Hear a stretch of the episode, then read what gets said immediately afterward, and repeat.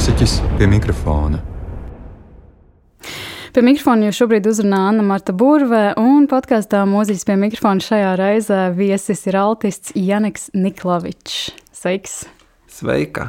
Klauja, Janek, vai tu varētu iesākumā varbūt pastāstīt nedaudz par sevi, ko tu šobrīd dzīvē dari, kur tu atrodies? Šobrīd dzīvē uz papīra vai, vai patiesībā, ko es daru, jo patiesībā ar, ar visu situāciju, principā, mana specialitāte ir Netflix, bet um, Es dzīvoju Berlīnē, šobrīd pabeidzu studijas. Droši vien laikā, kad uh, iznāk šī sērija, tad es jau būšu pabeidzis, bet uh, es beidzu nākamā pirmdienu. Apsveicu. Un, nu, redzēs. ko, ko, ko, ko tieši tu beigsi? Uh, maģistru, or, orķestra mākslā.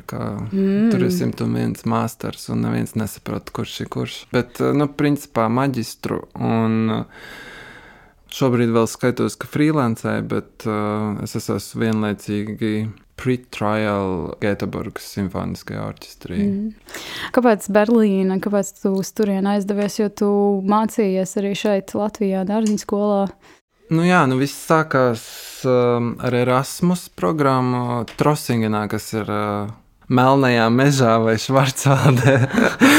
Bet uh, tas ir vispār nekurienes vidū, un tas vispār ir 600 km no, no Berlīnas. Un es biju arī Gustavs Mālera jauniešu simfoniskajā orķestrī, kur bija ļoti daudz cilvēku no Berlīnas. Tad Tad kaut kādā ziņā veidojās tā interese par Berlīni, un pēc tā Erasmus gada es vienkārši mēģināju, man bija konsultācijas, man bija uh, noklausīšanās orķestriem, un tā pēdējā noklausīšanās, kas bija komišā par uh, Berlīnu akadēmijai, sanāca, ka es viņu vinnēju. un uh, tad, kad es braucu uz to noklausīšanos, es Es vispār nezināju, kas tas ir par orķestri, komisiju operas. Domāju, ka tas ir kaut kāds amatieru orķestris. Tad uh, man to vietu iedeva uz gadu, un vienlaicīgi es arī iestājos UDK, kas ir uh, Berlīnas Mākslu akadēmija. Un tad kārtas kaut kā sakrita. Ka vienā dienā es sapratu, ok, es pārvērsos uz Berlīnu. Oh.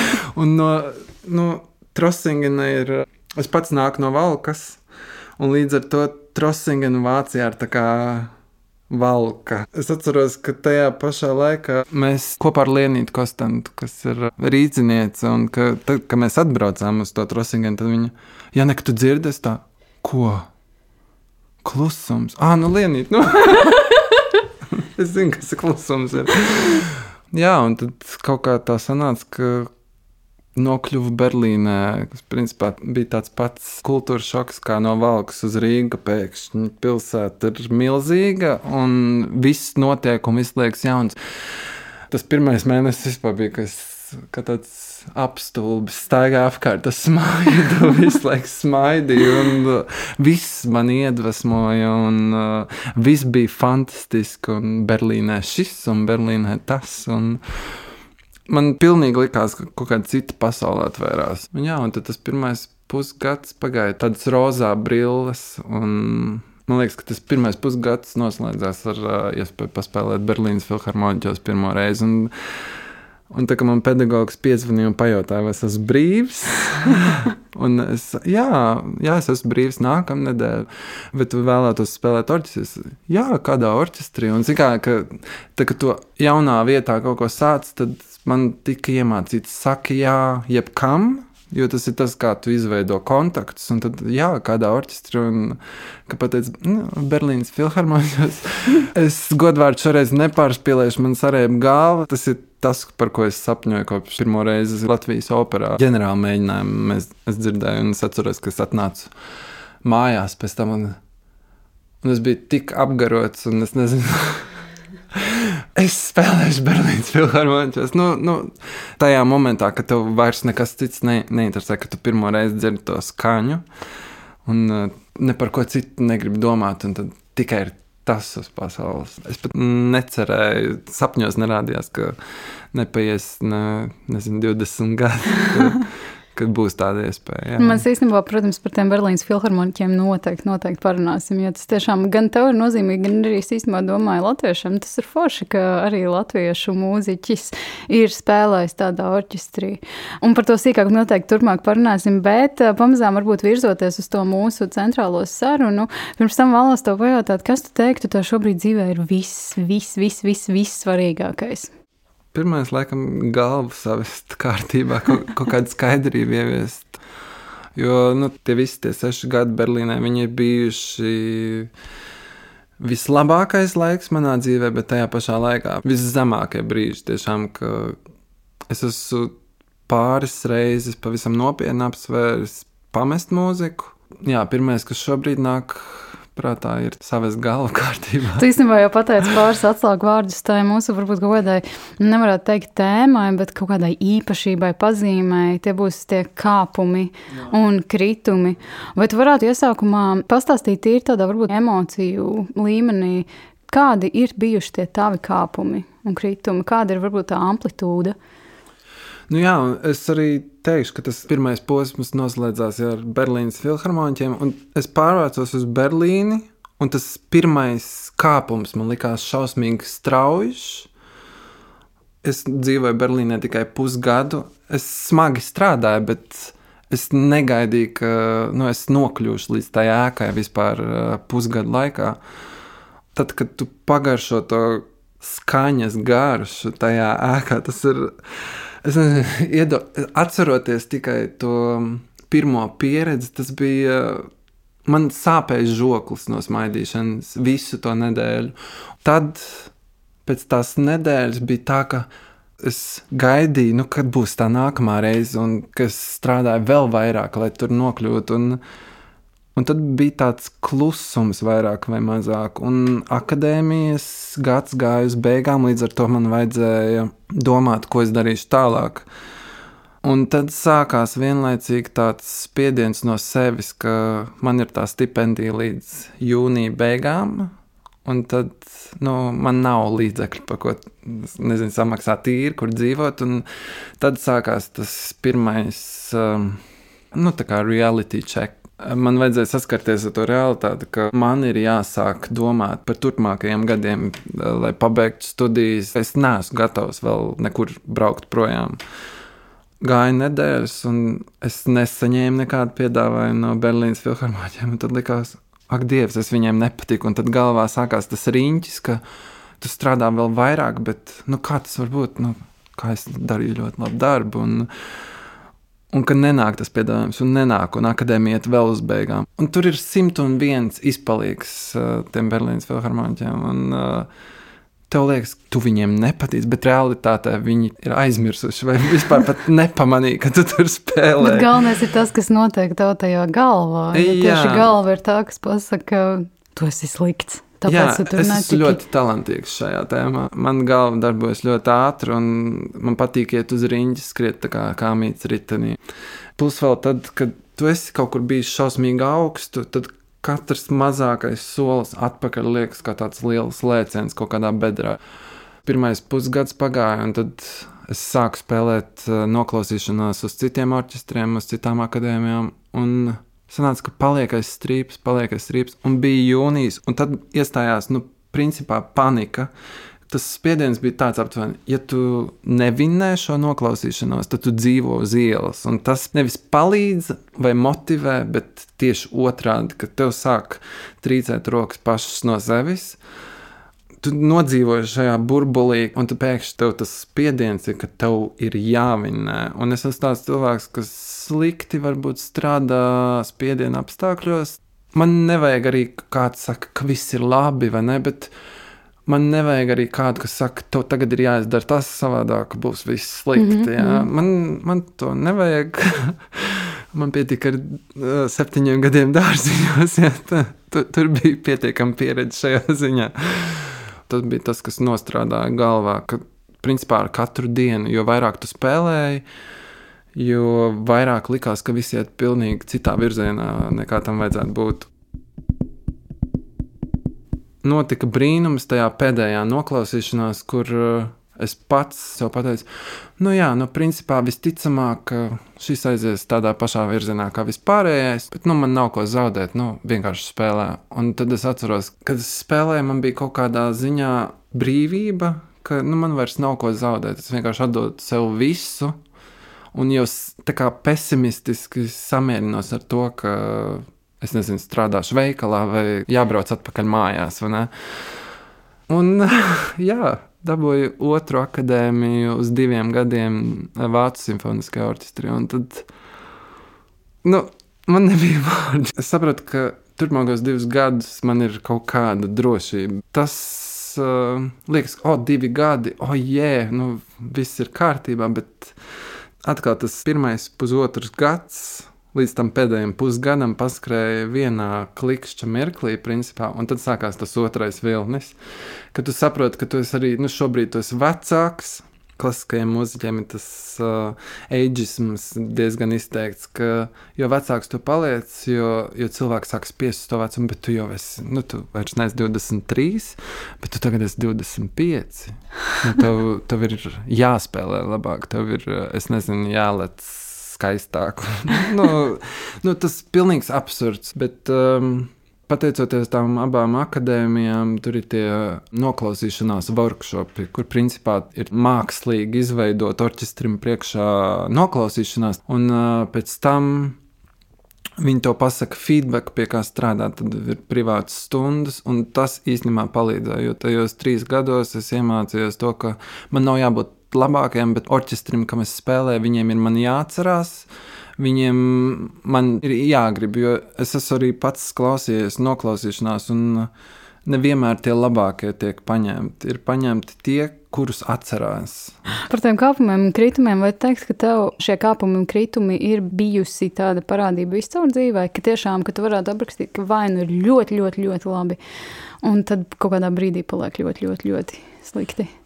Jā, man ir pavisam noteikti, ja ir kaut kāds liels kāpums, pavisam noteikti pēc tam nāks ļoti zems kritiens. Man nav ilgi kaut kāds tas vidusceļš.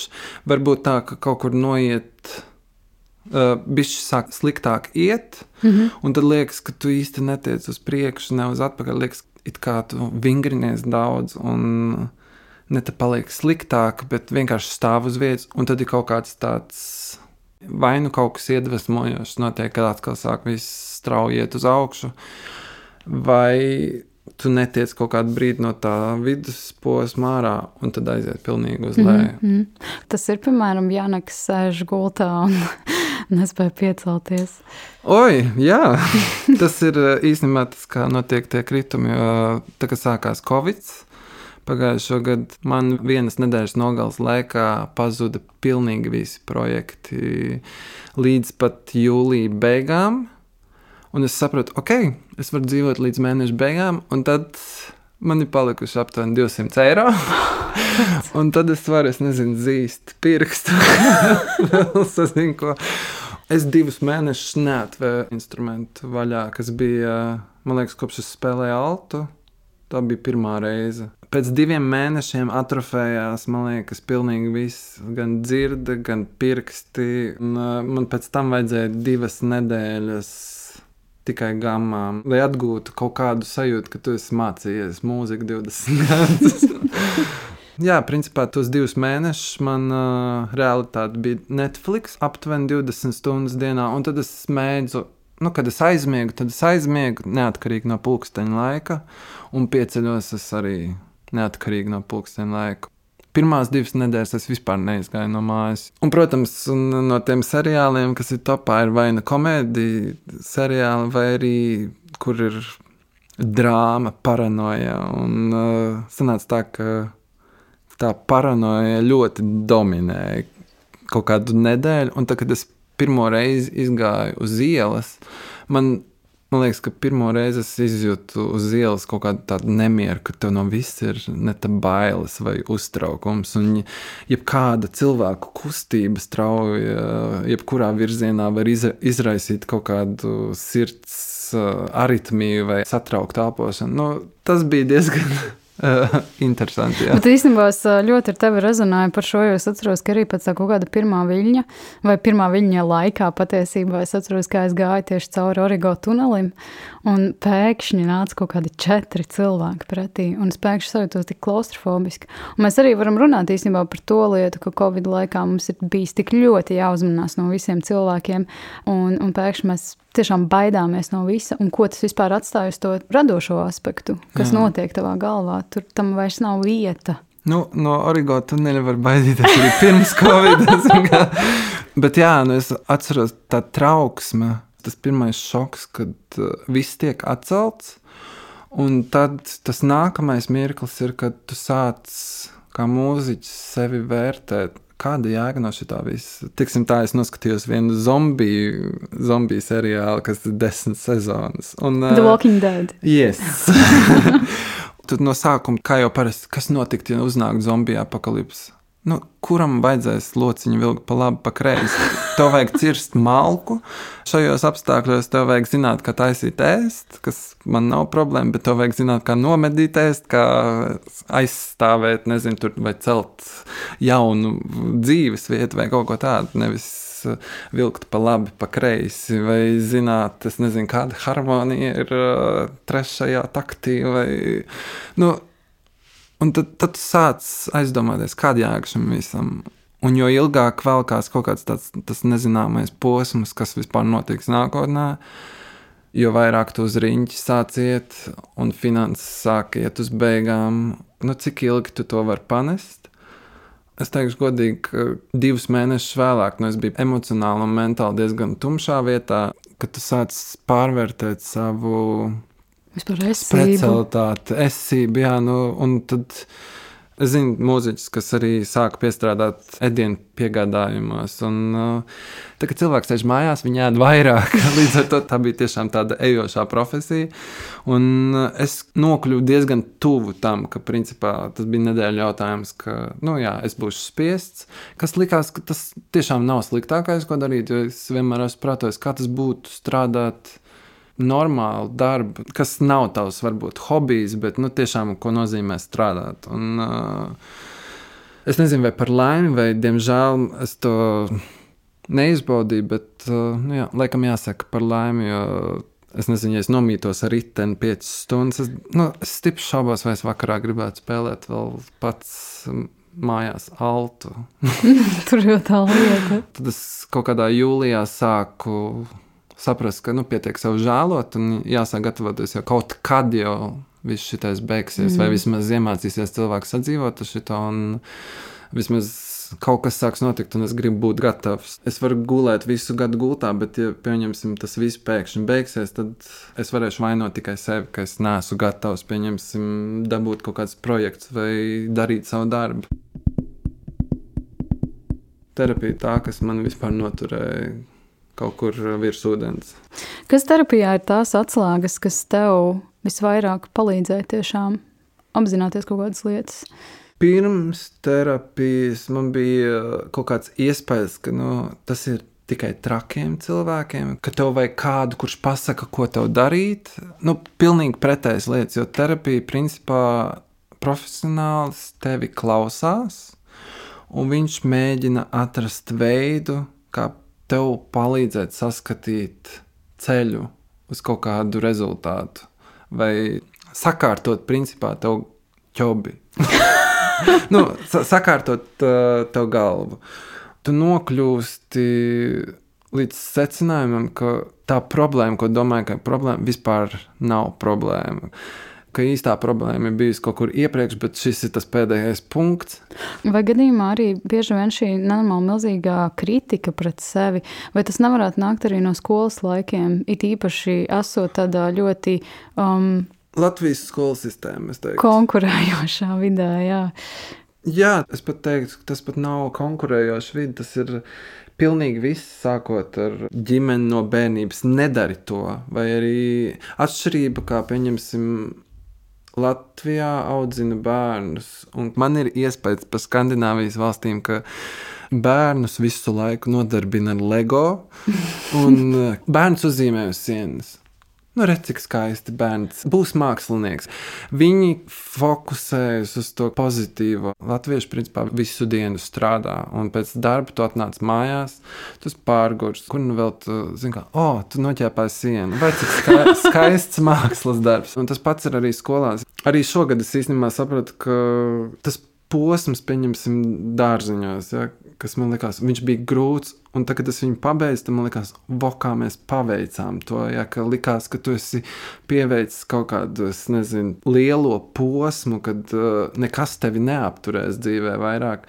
Bet uh, šogad ar terapijas palīdzību es to sāku atcerēties īstenībā kaut kādu emocionālu teroru un pazemojumu. Uh, Viens bija tas, ka tur saviem studentiem, kolēģiem ik pa laikam gadās kaut kāds aizvainojums vai kaut kas tāds. Bet to var kaut kā saprast, jo mēs bijām katrs pats par sevi tajā laikā. Un visi centāmies kaut kā izdzīvot no attestācijas uz attestāciju. Bet um, tas lielākais terors nāca no pedagogiem, kas ir pieauguši cilvēki, kuriem vajadzētu principā iedvesmot, atbalstīt, bet tas nepārtraukti kaut kāda kritika. Dažs labs pedagogs nejūtās varbūt novērtēts pietiekami savā dzīvē, līdz ar to visi studenti plus mīnus tika iznīcināti. Nu, es to atceros tiešām kā kaut kādu emocionālu teroru. Tas patiesībā ir šausmīgi, jo arī tas, ko tu minēji par to, ka latvieši visu dienu strādā un tad pārnāk mājās pārguruši, tā īstenībā tā situācija jau arī ir tāda noteikti arī tiem pedagogiem. Jo nav jau laika un telpas vispār. Nu, tā saucamais, man patīk, angliski ir tas headspace. Nav, jā, jā. Nu, nu, jā, galvā nav tā telpa, lai vispār pievērstos kaut kādām citām lietām. Un bieži vien arī runājot par pedagoģiju, vienkārši nav tās informācijas un arī izglītošanās bērnu psiholoģijā, vispār attīstības psiholoģijā un tam līdzīgi. Jā. Un arī mūsu laikā pedagoģa tā bija tā paudze, kur nu, nezinu, mentālā veselība tas nebija aktuāli, par to nerunāja. Mūsu paudze, man liekas, ir tā pirmā, kas sāk pievērsties tieši Latvijā. Mm. Nu, ka darbs nav visa tava dzīve vai tava būtība Un kas slikti uzrakstīts kontroldarbs ir nevis Neparā, tas, ka bērns jā. ir slikts, bet jā, vienkārši. Bet, nu jā, un uh, es esmu dzirdējis vairākas reizes tā teikt, nu jā, ka mēs gājām skolā, mums nebija nekādu mentālo problēmu, bet, nu jā, nu mēs par viņām šobrīd maksājam. Tā skolotāja piedzīvoja kaut kādas traumas, bet es par viņām maksāšu tikai tāpēc, ka es gadījos viņai kaut kādā negatīvā laikā pa kājām. Un, uh, es tiku ar vienu komentāru, principā uz nedēļu iznīcināts, pateicis, ka tu dzīvē neko nesasniegsi. Un... Tas īstenībā ir tik baisīgi, ka tu tā saki, jo es arī ļoti spilgti atceros vienu brīdi skolas laikā, kad es sēdēju vienā stundā un arī pateicu, ka tu dzīvē neko nesasniegsi. Man liekas, ka dārziņos visi ir dzirdējuši vismaz vienreiz mūžā, ka tu neko nesasniegsi. Viens ir tas, ka kā, mēs tagad varam pasmieties par to, bet uh, tad, kad tu esi kaut kādos zemajos punktos savā dzīvē, tu neko nesasniegsi kaut kādā veidā, kaut kur mēdz atbalsoties. Mm -hmm. Un, uh, pieņemsim, tas pats Covid laiks un tie kritumi kad tu pats sevi sāc izvērtēt, vai tu esi labs, vai tā ir tikai sagadīšanās, ka tu te vispār esi nokļuvis, un varbūt šis ir tas pēdējais brīdis, un viss labāk vairs nepaliks. Un tad tu neko dzīvē nesasniegsi, atnāk to vēl vienu apli kopš varbūt desmit gadus atpakaļ. Mm -hmm, tu to mhm, dzirdēji mm -hmm. pēdējo reizi, bet viņš atbalsojās. Un Latvieši ir tāda tauta, kur ir iemācīta no bērnības, ka mēs komplimentus neatceramies, bet mēs atceramies katru to slikto vārdu. Pat no cilvēkiem, kas mums nerūp, mēs neatceramies. Mm. Ne?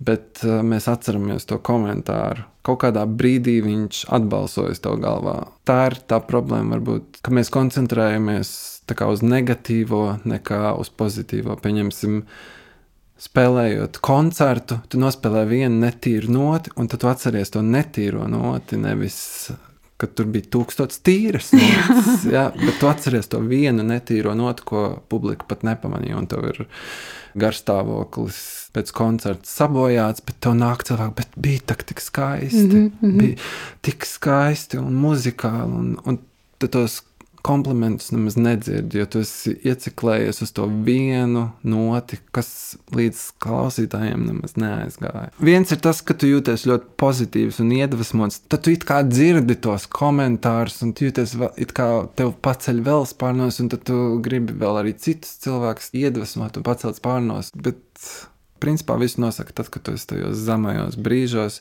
jo tad visi dēmoni pamostās un visi kliedz vienlaicīgi, un tu dzirdi viņus visus.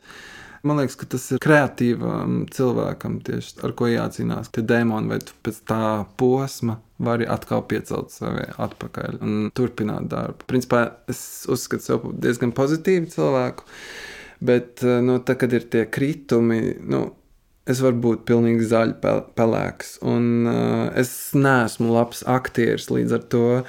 Pirmais kritums Berlīnē, ka mans kvartets ar katru dienu novēroja, ka es ienāku pa durvīm. Viņi zināja, ka es palieku aizvien zaļāks un pelēkāks. Viņi zina, ka nebūs šodien tā diena, kad es būšu es nezinu, priecīgs un, un laimīgs, un viss ir skaisti, un mūzika ir skaista, un tā tālāk. Ah, starp citu, es izgāju no tā pirmā krituma, kad es atklāju Berlīnes tehnoklubu dzīvi. Mūziķis pie mikrofona atpūšas. Principā tas bija kā nogriezts ar nāzi, ka mums bija kvarteta mēģinājums, tad bija nedēļas nogale, un pirmdienā es ierados uz kvartetu, un mans kvartets to raksturoja tā, ka es atvēru durvis un ienāca gaisma, varavīksnes puķis. Tad es sapratu, ka dzīvē ir vajadzīgs līdzsvars, ka to var raksturot kā pārdegšanu. Ko es otro epizodi, man liekas, ar Elīnu Enzeli, ko es pil, pilnīgi man paskrēja dzīves momenti gar acīm. Tas bija tas mirklis, kad tev vajag atpūsties, ka tu nevari tikai visu laiku skriet ritenī, kad vienā brīdī tas, ar ko tu strādāji, nestrādās, nedos rezultātus. Un, jā, tā Berlīnas naktdzīve bija tas, ka tu rūkā visu nedēļu, un tad nedēļas nogalē tu vienkārši atslēdz smadzenes. Un es nezinu, dejot tā, it kā tā būtu pēdējā diena uz, uz pasaules. Un kas bija šajā gadā, trīs nedēļas atpakaļ, es biju pirmo reizi uz tehnoloģiju klubu pēc pusotra gada pārtraukumu. Un, oh, tā bija, man liekas, 18 skaistākās manas dzīves stundas. 18. Jā.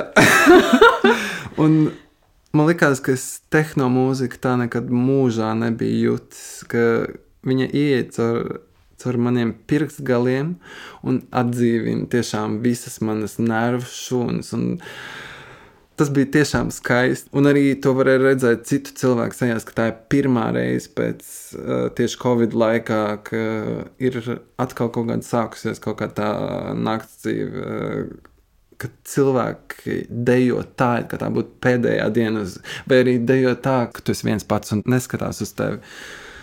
Un man liekas, ka cilvēki ir palikuši arī daudz draudzīgāki, daudz jaukāki, jo visi novērtē tās uh, kaut kādas mazas nianses, ko pirms tam, par ko it kā, es nezinu, vaimenāja, ai, rindā jāstāv trīs stundas uz klubu, lai tiktu, vai ne, vai klubs ir pārāk pārpildīts, bet uh, pārāk piesvīts, te nav ko elpot, pārāk karsts, un, un es atceros, ka tās sarunas tieši bija par to, ka Ārpēc kā man patīk, ka dejo un ka tev minus kājām, ka es neatceros, ka man pēdējo reizi kāds būtu uzminis uz kājas. Nu, tādas stulbas, bet uh, mazas nianses, par kurām tu biji aizmirsis. Jā, nekas ir uh, vēl lietas bez uh, Berlīnes tehnoklubiem, kas varbūt tev dara dzīvi krāšņāku. Jā, man pavisam noteikti viens no hobijiem ir ēst gatavošana, kas ir uh, arī viens no, es nezinu, es to teiktu pat terapiju. Un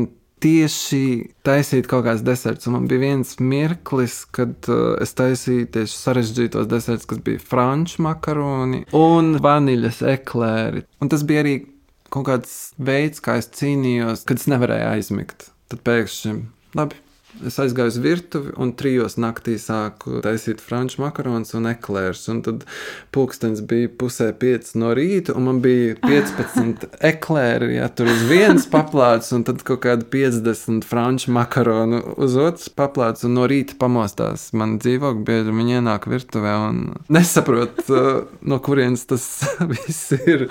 Tu vari aprakstīt tos franču makaronus, jo tos taču ir baigi grūti. Taču dabūt tādus gaisīgus. Um, teiksim tā, ka franču makaronus tu taisi, tā, ka nevis tu gribi nomierināties, bet tā, ka tu gribi izbēgāt dusmas. Jo, principā, pilnīgi viss var noiet greizi. Pat tad, ja tu uh, sako receptei, viens grams par daudz kaut kā nesanāks. Istabas temperatūra pa augstu vai pa zemu nesanāks. Istabas nezinu, mitrums pa lielu vai sausums pa lielu nesanāks. Es nezinu, mēnesis fāzes ietekmē, vai, vai, arī tas, ka, vai arī tas, ko tu esi pusdienās, viss ietekmē tos cepumus. Un es atceros, ka pirmās piecas, sešas reizes man principā viņi nesanāca. Nu, ēst var, jo tas ir principā cukurs, mandels un olas. Bet uh, tā kā viņiem ir jāizskatās un kādiem viņiem jābūt, pirmās 5-6 reizes nesanāca. Un es atceros, ka pirmo reizi es pagatavoju viņus. Es kliedzu, es esmu saplēsis glāzi dusmās, metot izlietnē, es esmu ārdījies, tāpēc ka nesanāk. Bet tad, kad sanāk, tad ir tā, ka tāds gandarījums. Tu, maka, tu pilnīgi uzbūri tādu personības tiem cepumiem. Viņi no tevis var izvilkt tiešām visu. Nē, nu es esmu arī diezgan emocionāls. Neņemot vērā, ko es daru, vai nu es gatavoju ēst, vai spēlēju. Es laižu visas emocijas uz āru, kas varbūt nav slikti, bet man patīk arī būt sacensībās ar sevi. Ja es kaut ko uztaisu, tad nākamā reize es gribu uztaisīt ātrāk, vēl labāk. Es nezinu, tas ir kaut kāds ūdensvīra stereotips, bet uh, man viņš totāli atbilst. Un, ja man kaut kas patīk, tad man patīk to darīt labi. Arī pašam priekš sevis, un, jā, un tā gatavošana bija tāda kā terapija. Eklēri bija vienkārši. Tur, tur man patika pat vairāk taisīt nekā viņas ēst. Jo pirmajā reizē, kad ka tu apēdi viens pats kaut kādus desmit eklērus divu dienu laikā, tad uh, tu viņus vairāk negribi redzēt. Mani diezgan mīlēja tajās akadēmijās, es parasti nācu ar pašgatavotiem kulinārijas izstrādājumiem.